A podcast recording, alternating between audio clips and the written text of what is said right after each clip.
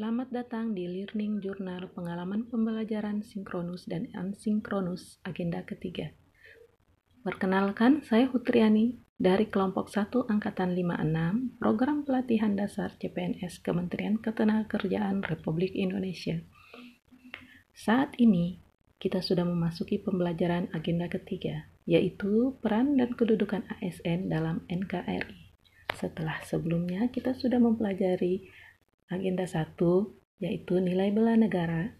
Di dalamnya terdapat cinta tanah air, sadar berbangsa dan bernegara, setia pada Pancasila sebagai ideologi negara, rela berkorban untuk bangsa dan negara, serta kemampuan awal bela negara yang dipraktekkan dalam pelaksanaan tugas sebagai PNS.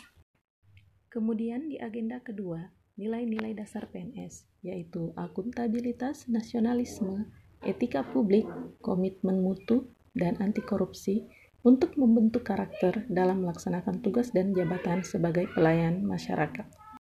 Dan sekarang di agenda ketiga kita mempelajari manajemen ASN, di antaranya kedudukan dan fungsi ASN. Sebenarnya apa sih kedudukan ASN?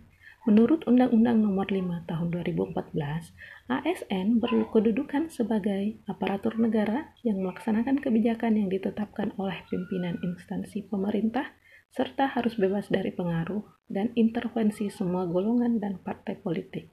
Dalam menjalankan kedudukannya, pegawai ASN memiliki fungsi sebagai pelaksana kebijakan publik, pelayanan publik, dan perekat pemersatu bangsa.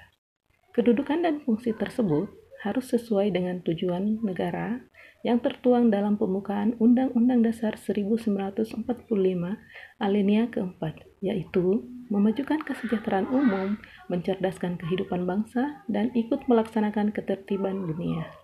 Nah, demikianlah learning journal kali ini. Salam sehat selalu.